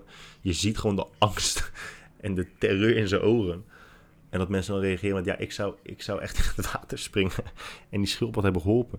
En niemand, echt helemaal niemand zou dat doen. Nee. Ik, ik, heb je toch eens verteld over het verhaal dat ik, dat ik die meid dat, dat, dat er een, vrouw werd verkracht buiten. Dat, ja. dat ik daar tussen moest komen. Dat, zelfs dan doet niemand iets. Hè? Maar dat denk jij met je fucking pen en uiersmoel. Dat als jij een schildpad aangevallen ziet worden door een haai, dat jij in het water Een haai van en dat je 8 meter. Dat schildpad zie je echt met 40 km per uur zo een soort van surfend door het water gaan. Dat je denkt, hé, what the fuck? Oh, er zit een haai aan vast. Ja, heftig man. Maar het is bij iedere post die Nature is, Pedal voor de luister, uh, luisteraars, Nature is Metal, dat voor de luisteraars, het, hij, ze posten gewoon altijd de brutaliteit van de, de natuur. En heel vaak is dat een, een dier dat een ander dier opvreet. Een soort van, oké, dit, dit gebeurt. Soort van, en dan de conclusie, nature is metal. Maar iedere post is, oh, nou, als je dit had kunnen filmen, dan had je hem ook wel even kunnen redden. Ja, mooi hè. En mensen staan niet stil bij, oké, maar als, als, als, als die zebra dus niet wordt opgevreten door die leeuw, wat de fuck moet die leeuw dan eten? Ja, dan ga jij sterven er dus voeren. acht leeuwen, ja. Zo. Heb je wel eens gezien? Oh, dat vond ik wel een van de heftigste video's ooit op uh, dat account. Die leeuw die wordt aangevallen door, ik weet even niet meer door wat, en die breekt zijn, uh, zijn ruggengraat. Oh, ja, ja. En die is dus verlamd. Ja. Zo, dat is heftig, man. Dat is wel een hele heftige video.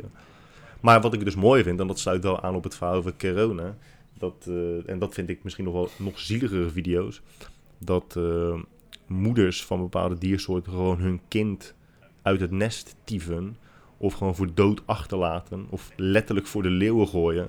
Omdat ze een beetje mank lopen. Of gewoon, ja, ze zijn gewoon niet zo sterk als dat ze zouden moeten zijn. Ja. En dat is dus een risico voor de rest van de groep. Dus laten ze de zwakkeren gewoon sterven. Ja. Ik zeg niet dat ik daar voorstander van ben. Ik zeg alleen maar dat dat, dat gebeurt uh, op Nature. Nee, ja, daarom vind ik het een super mooie spiegel om altijd weer... Als ik dan toch op, op Instagram aan het scrollen ben, dan zie ik het dus heel vaak voorbij komen. En dan is het heel vaak van, oké, ja, dit is echt... Nee, ik was onlangs dus weer in een safari park. Gewoon echt ieder dier, iedere plant daar. Gewoon iedereen heeft het gewoon kut. Het is weer iedere dag een soort van als je, als je hem ook maar een klein wondje hebt, dan kan ontsteken. Of je kunt, wordt opgevreten. Je moet altijd oppassen. Zelfs als je een leeuw... Ja, olifanten hebben dan wel, wel redelijk. Maar ja, olifanten sterven omdat ze wisselen zes keer van kiezen. En daarna wisselen ze niet meer. Dus dan, dan sterven ze gewoon van de honger, zeg maar. dus dan ben je een supergrote olifant. Maar ja, je kunt niks meer eten. Je hebt geen tanden? Nee, behalve Jimmy Joy. Maar... Uh, ja, dit, dit, What the fuck? Maar het, ja, dat is, het is gewoon sick om dat iedere keer weer te, te zien, man. Dat het, dat het... Alleen neushoorns, toch? Neushoorns worden door geen enkel ander dier uh, opgevreten. Uh, ja, ik weet eigenlijk Niemand jaagt op neushoorns. Nee. Ik... Alleen Jammer de Boer. Ja, klopt, ja. Ik heb wel in gezien. Oude stroper. Dat is ook sick, hoor. Dat ze die, dat die, dat ze die hoorns afzagen. Zodat er geen stropers komen die die hoorns eruit kappen bij een lelijk, of een lelijk, een levend, levend neushoorn.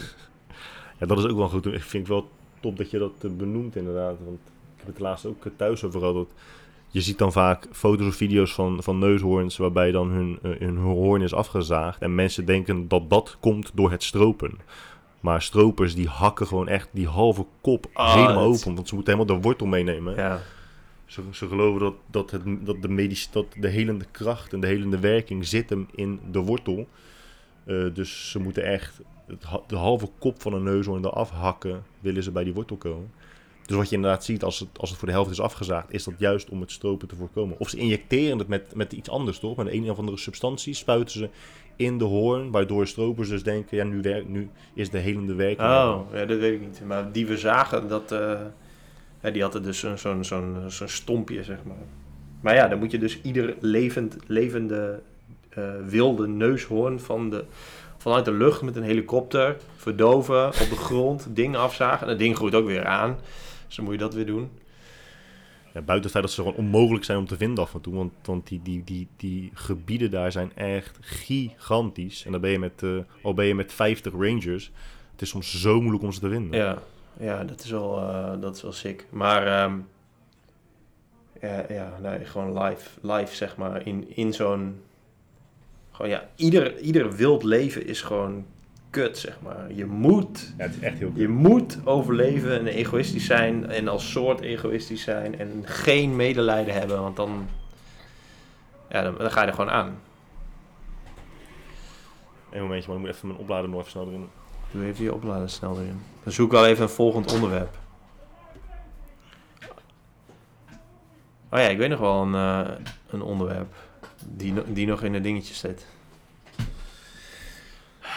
Ik wil nog even hebben. Ik weet dus niet. Uh, krijgen we dit weer? Of ik het de vorige keer over Africamps heb gehad. Over de service in het tentenkamp waar wij verbleven. Heb je dat gezien? Nee, daar heb je niet over gehad. Oké. Je hebt het Krugerpark, is een heel groot natuurgebied van uh, ongeveer de helft van Nederland. Daar, uh, daaromheen zitten een aantal lodges en verblijven en zo. Waar je, ja, dus, ja, het zijn niet echt hotels, want er staat niet een hotelgebouw. Maar vaak zijn het een soort van in de, soort van in het struikgewas in de bush bij misschien water.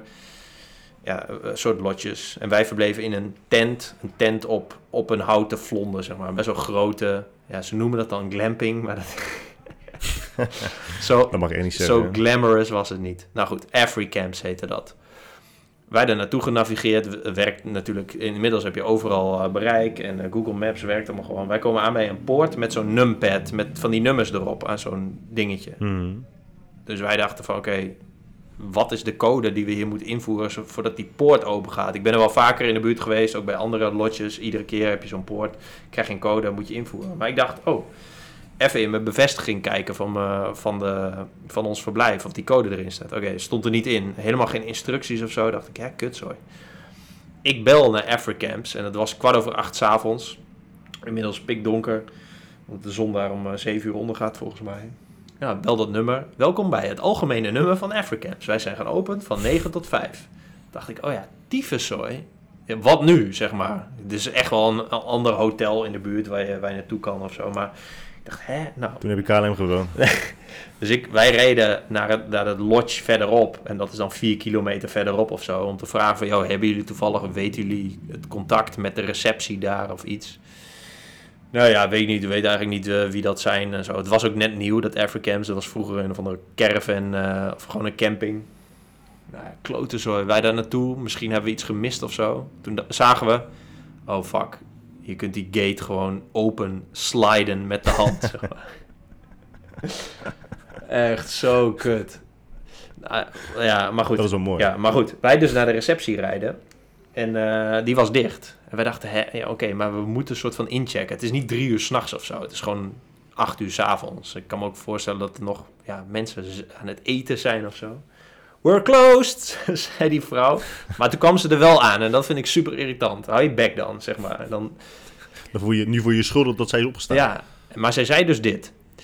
Oh, uh, wij vertelden het verhaal van, de, met die, van die pincode, zeg maar, dat we het niet wisten. En uh, dat we later pas achterkwamen kwamen dat die deur gewoon handmatig open kwam. En dat vonden we het eigenlijk wel grappig, maar ook wel een beetje kut, zeg maar. Toen zei ze van, ja, normaal gesproken wat uh, gasten doen, is ons even e-mailen met de tijd dat ze aankomen. En dan sturen wij ze instructies over hoe zij moeten inchecken. Maar werd dat van je gevraagd voor, om dat mailtje te sturen? Nee, dus ik dacht van, hè, maar als ik een Hilton boek of zo, dan ga ik toch ook niet mailen van, jongens, ik kom, kom, kom om kwart over vier, zijn er nog instructies voor de deur of zo? Ik verwacht een staande ovatie. Nee, ja, maar ik dacht toen echt van, huh, maar als je een, een, uh, als je een hotel hebt, dan, of een guesthouse of iets, dan ga je toch juist je gast een bericht sturen van, yo, uh, thanks voor je boeking, dit is hoe het werkt, zeg maar. Die, die, kijk, die poort, ja, dat had ik, hadden we wel kunnen uitvinden. Maar ja, misschien is het ook handig om te zeggen... er staat wel een numpad bij, maar je kunt hem gewoon open sliden... of, of, of zet op die deur van uh, deze, deze uh, poort kun je open sliden. Um, en dit zijn de instructies. Want kennelijk stond er ook ergens langs de weg een bord met mijn naam erop. Er, stond, er stonden nummers 1 tot en met 8. En bij 7 stond Jelme de Boer. Maar kennelijk betekent dat dus Ga deze weg in en zoek naar tent nummer 7, want daar kun je gewoon naar binnen, want er zit geen slot op die tent, zeg maar. En dat was ook, zeg maar, wat zij aannam, dat wij dat dan wel gewoon snapten, of in ieder geval zelf even gingen mailen of contact opzoeken om dat uh, in orde te maken. Nou ja, goed, ik vind dat dus onder het kopje service, want uh, ja, dat slaat toch net. Maar dan ben je dus met twee, uh, ben je dus met twee knappe koppen. En ik noem Max nu knap omdat hij naar de kapper is geweest. En nu is hij waarschijnlijk weer bij de kapper.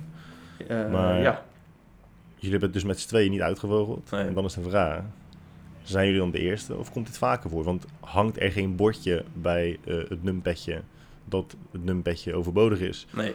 Omdat het nog nooit eerder is gebeurd? Ja, precies. Dat jullie gewoon de eerste, de eerste zijn? Nee, maar de grap... Of omdat ze gewoon geen zin hebben om dat op te hangen? De grap is dus dat we er later achter kwamen dat het vroeger een of andere camping was. En nu is het... Africamps is een soort keten. Dus misschien was het wel zo dat we de eerste gasten waren. Maar dan zei de, de vrouw van de receptie die dicht was, maar die ons wel hielp, niet van ja, wat gasten normaal doen is, puntje, puntje, puntje, ons even e-mailen.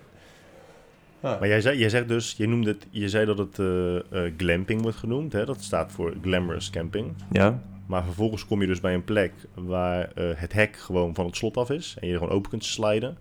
Om vervolgens naar je tent te gaan waar geen slot op zit en waar je gewoon naar binnen kunt gaan. Ja. Dus in principe is het in plaats van glamping, is het gewoon een soort... Vrij kamperen. Concentratiekamp.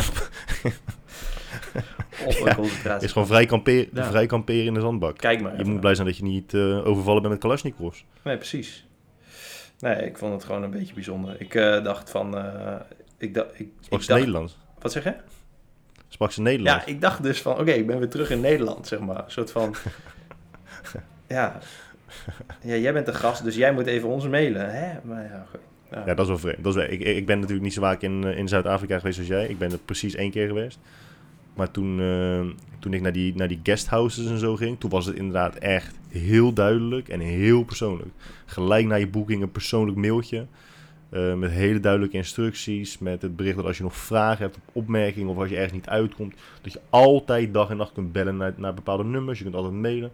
Ik vond het echt, uh, echt bijzonder goed. Nou ja. Niet zo cracky als jij nu. Nee, maar kijk, uiteindelijk komt alles op zijn pootjes terecht en het is gewoon een detail. Maar als we, het, als, we het, als we praten over service, dan is dat toch gewoon precies het tegenovergestelde, zeg maar. Als je toch een indruk wil maken als je...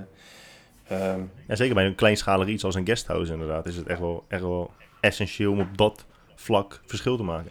Vooral, ja, maar... zat, er dan een privé-reservaat bij of niet? Nee, ook niet. Maar vooral ook omdat ze de, daarna nog begon over of we misschien mee willen op een tour, zeg maar. Dan denk ik van, oké, maar je, je, kunt, je kunt dan... Je kunt dat toch, toch mensen enthousiasmeren door dat direct al te zeggen. Zo van, yo, welkom, uh, dit is wat we aanbieden en dit is wat je kunt doen. En dan kun je nog eventueel ook nog zeggen van, yo, maar reageer snel, want op is op. Weet je wel, dat soort dingen. En nu hadden we zoiets van, ja, fuck deze shit, we gaan helemaal niks met jullie doen. Ja. Heb je interesse in een online cursus? Heb je jump in Zuid-Afrika? Nee man, goos, dat ga ik nooit doen. Nee, dat lijkt me echt... Jij dat moet een, van, een keer... Een van de engste dingen. Zullen we, zullen we een keer duo, duo bungee jumpen daar? Ja, oké, maar gaan we dan wel met de buiken tegen elkaar? tippies tegen elkaar of tippie tegen billetje? nou, we kunnen beide proberen en kijken wat het, wat het lekkerst was. Maar waarom heb je het nooit gedaan dan? Het lijkt me echt super eng. Lijkt me Het is ook echt heel super. dat, that's the point. Ja, dat is, daar heb jij wel helemaal gelijk in. Je hebt wel, dat, dat heb jij wel uh, goed uh, beredeneerd een keer eerder. Zo van, dat je je angst wel op moet zoeken. Maar... Uh... Ja, het is, het is, ja, het, ja, nogmaals, toevallig ging het er hier thuis gisteren ook over, over vandaag. Maar ja, het is, het is wel heel bizar. En het is inderdaad niet te vergelijken met, met parachutespringen. Omdat de, de hoogte bij het parachutespringen is niet tastbaar. Daarom heb je ook over het algemeen geen hoogtevrees in een vliegtuig. Het is zo hoog dat je bevat gewoon niet hoe hoog het is. Daarom vinden mensen bijvoorbeeld met de, de weg omhoog in een, in een achtbaan is vele malen enger dan uh, naar buiten kijken in een vliegtuig. Mm -hmm. uh, het, het, voelt gewoon anders. En dat is met, met bungee jumpen ook, man. Het is echt, je kijkt, je staart echt de afgrond in. En dan zeggen ze, nou, spring daar maar gewoon naartoe. Maar het is wel echt heel kick. Het is wel echt heel tof. En zeker die plek in Zuid-Afrika, die brug is echt waanzinnig. Ja. Ja, ja, dat is echt... Yeah. Uh, ik weet niet, man. Uh, dan is er altijd de vraag van voor hoeveel euro zou je dat doen? Ja, ik weet het echt niet, man. Ik denk... Bedoel, je moet gewoon een entree-ticket betalen en voor dat geld spring je nee, gewoon naar ik, ik, ik, ga jou geen geld geven. Nee, maar ik zeg toch dat ik het nooit zou doen. Dus dan is altijd de volgende vraag, maar voor hoeveel geld zou je het wel doen? Ja, ik denk wel echt minstens Omdat 60 euro. Dat iedereen te koop is. Ja, ja. toch? Je wil dat... Nou ja, ik, voor 60 euro zou ik het ook nog wel een keertje doen, ja. Ja. Um, we zijn er wel door, hè? Misschien dat we nog wel even, even kunnen benoemen, zeg maar, wat ik jou... Stuur ik dat jou vandaag, zeg maar? Een Instagram-post... Die, ik heb hem uh, heel veel mensen, door heel veel mensen gedeeld zien worden. Ja, ik weet wel wat je bedoelt nu. Van uh, Tim Hofman. Van Tim Hofman. En uh, die, die post... Ja, shit man. Misschien moet ik het even erbij pakken voordat ik... Ik heb het voor je als je wil. Oké, zeg, lees maar op. Hij post... Nou, nou. Succes en sterkte allemaal. Met je onderneming, met je gezin, met jezelf. 70.715 likes. En zijn, uh, eronder staat... En zorg goed voor jezelf en degene naast je. Kus, kus, hartje. Ja, ik weet niet zo goed wat, waarom ik dit zo, waarom ik dit wil bespreken eigenlijk. Ik vind het, ja... Het zit je dwars, het zit je dwars, jammer. Ja, maar ik wilde dus samen met jou achterkomen waarom het me dwars zit. uh, je twijfelt aan de... Intentie. Uh, je twijfelt eraan of de, ja, aan de intentie of de, of de boodschap oprecht is. Of dat het inderdaad weer zieltjes winnen is, zoals heel veel mensen dat op Instagram, uh, op Instagram doen. Ik, ik kende hem niet toen jij het stuurde naar mij, toen ging ik eigenlijk voor het eerst een beetje kijken.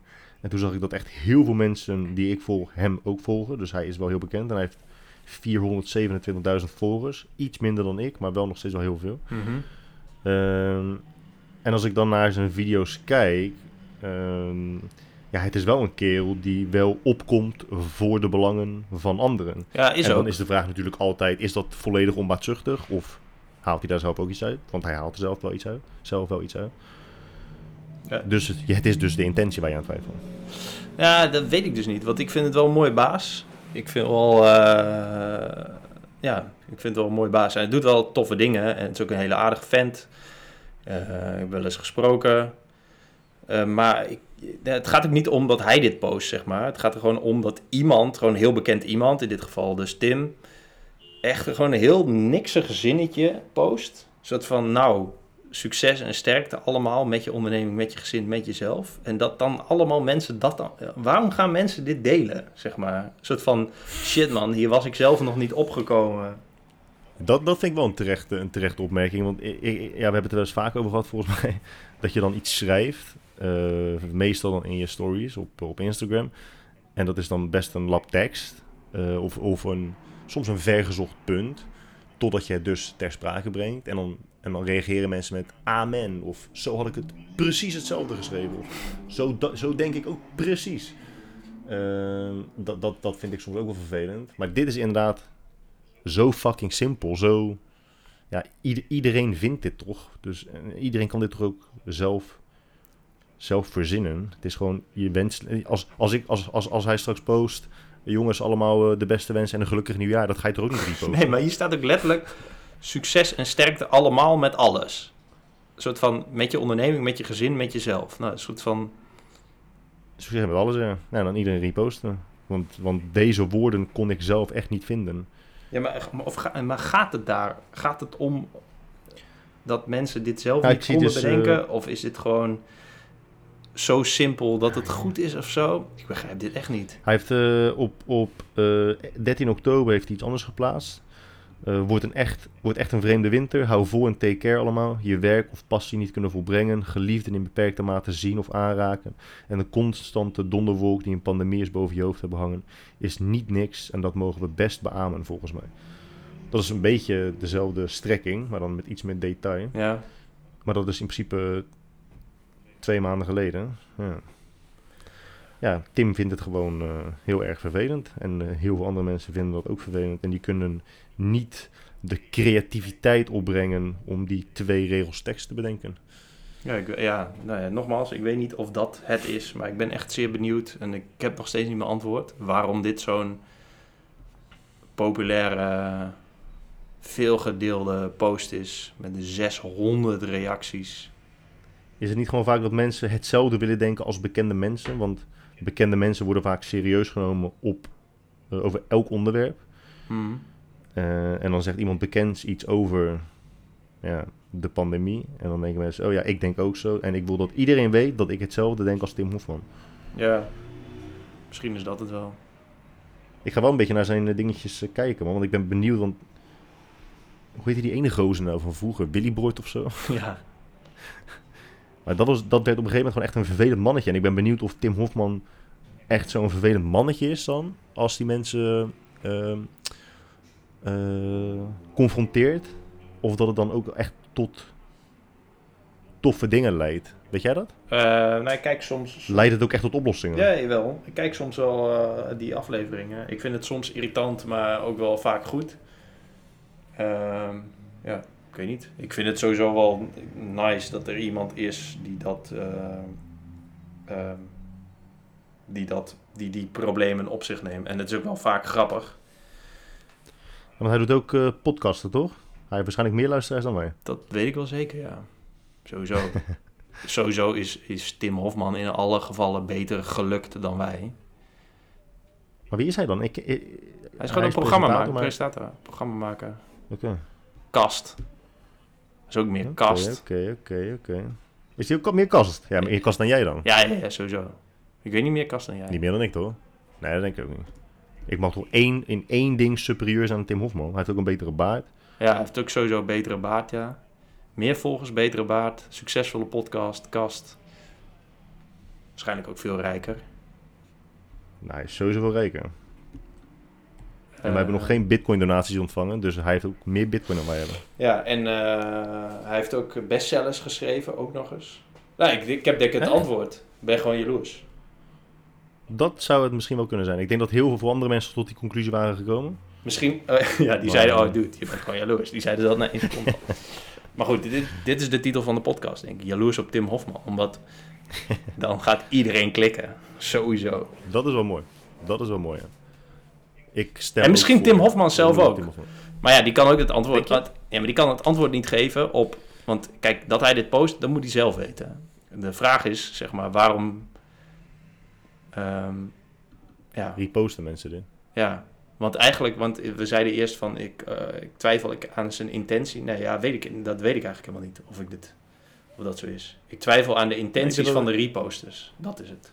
Ik denk dat de cirkel nu mooi rond is, omdat we, omdat we begonnen met uh, mensen zoals wij. Ik denk dat mensen Tim Hofman uh, volgen en vinden dat hij iemand is zoals zij zijn. Terwijl dat hoogstwaarschijnlijk niet waar is. Dus hij is waarschijnlijk iemand zoals zij zouden willen zijn. Uh, onder ideale omstandigheden, maar dat niet kunnen zijn om verschillende redenen. Maar zoveel mogelijk zoals hij proberen te zijn en dan dus zijn woorden gebruiken.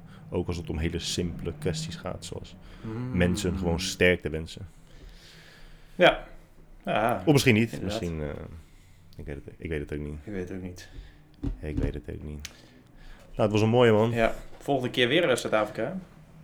Vanuit Zuid-Afrika. Echt? Jezus. Wanneer ga je nog? Blijf. 18e ga je weg of zo, toch? Nee. je blijft? Ja.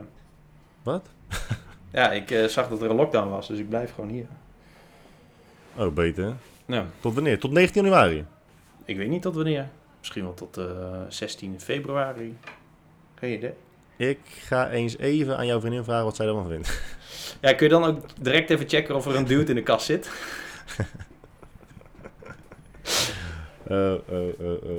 nou, is goed jongen, heel veel plezier dan. Ik geef je geen ongelijk. Nee, nou ja, top.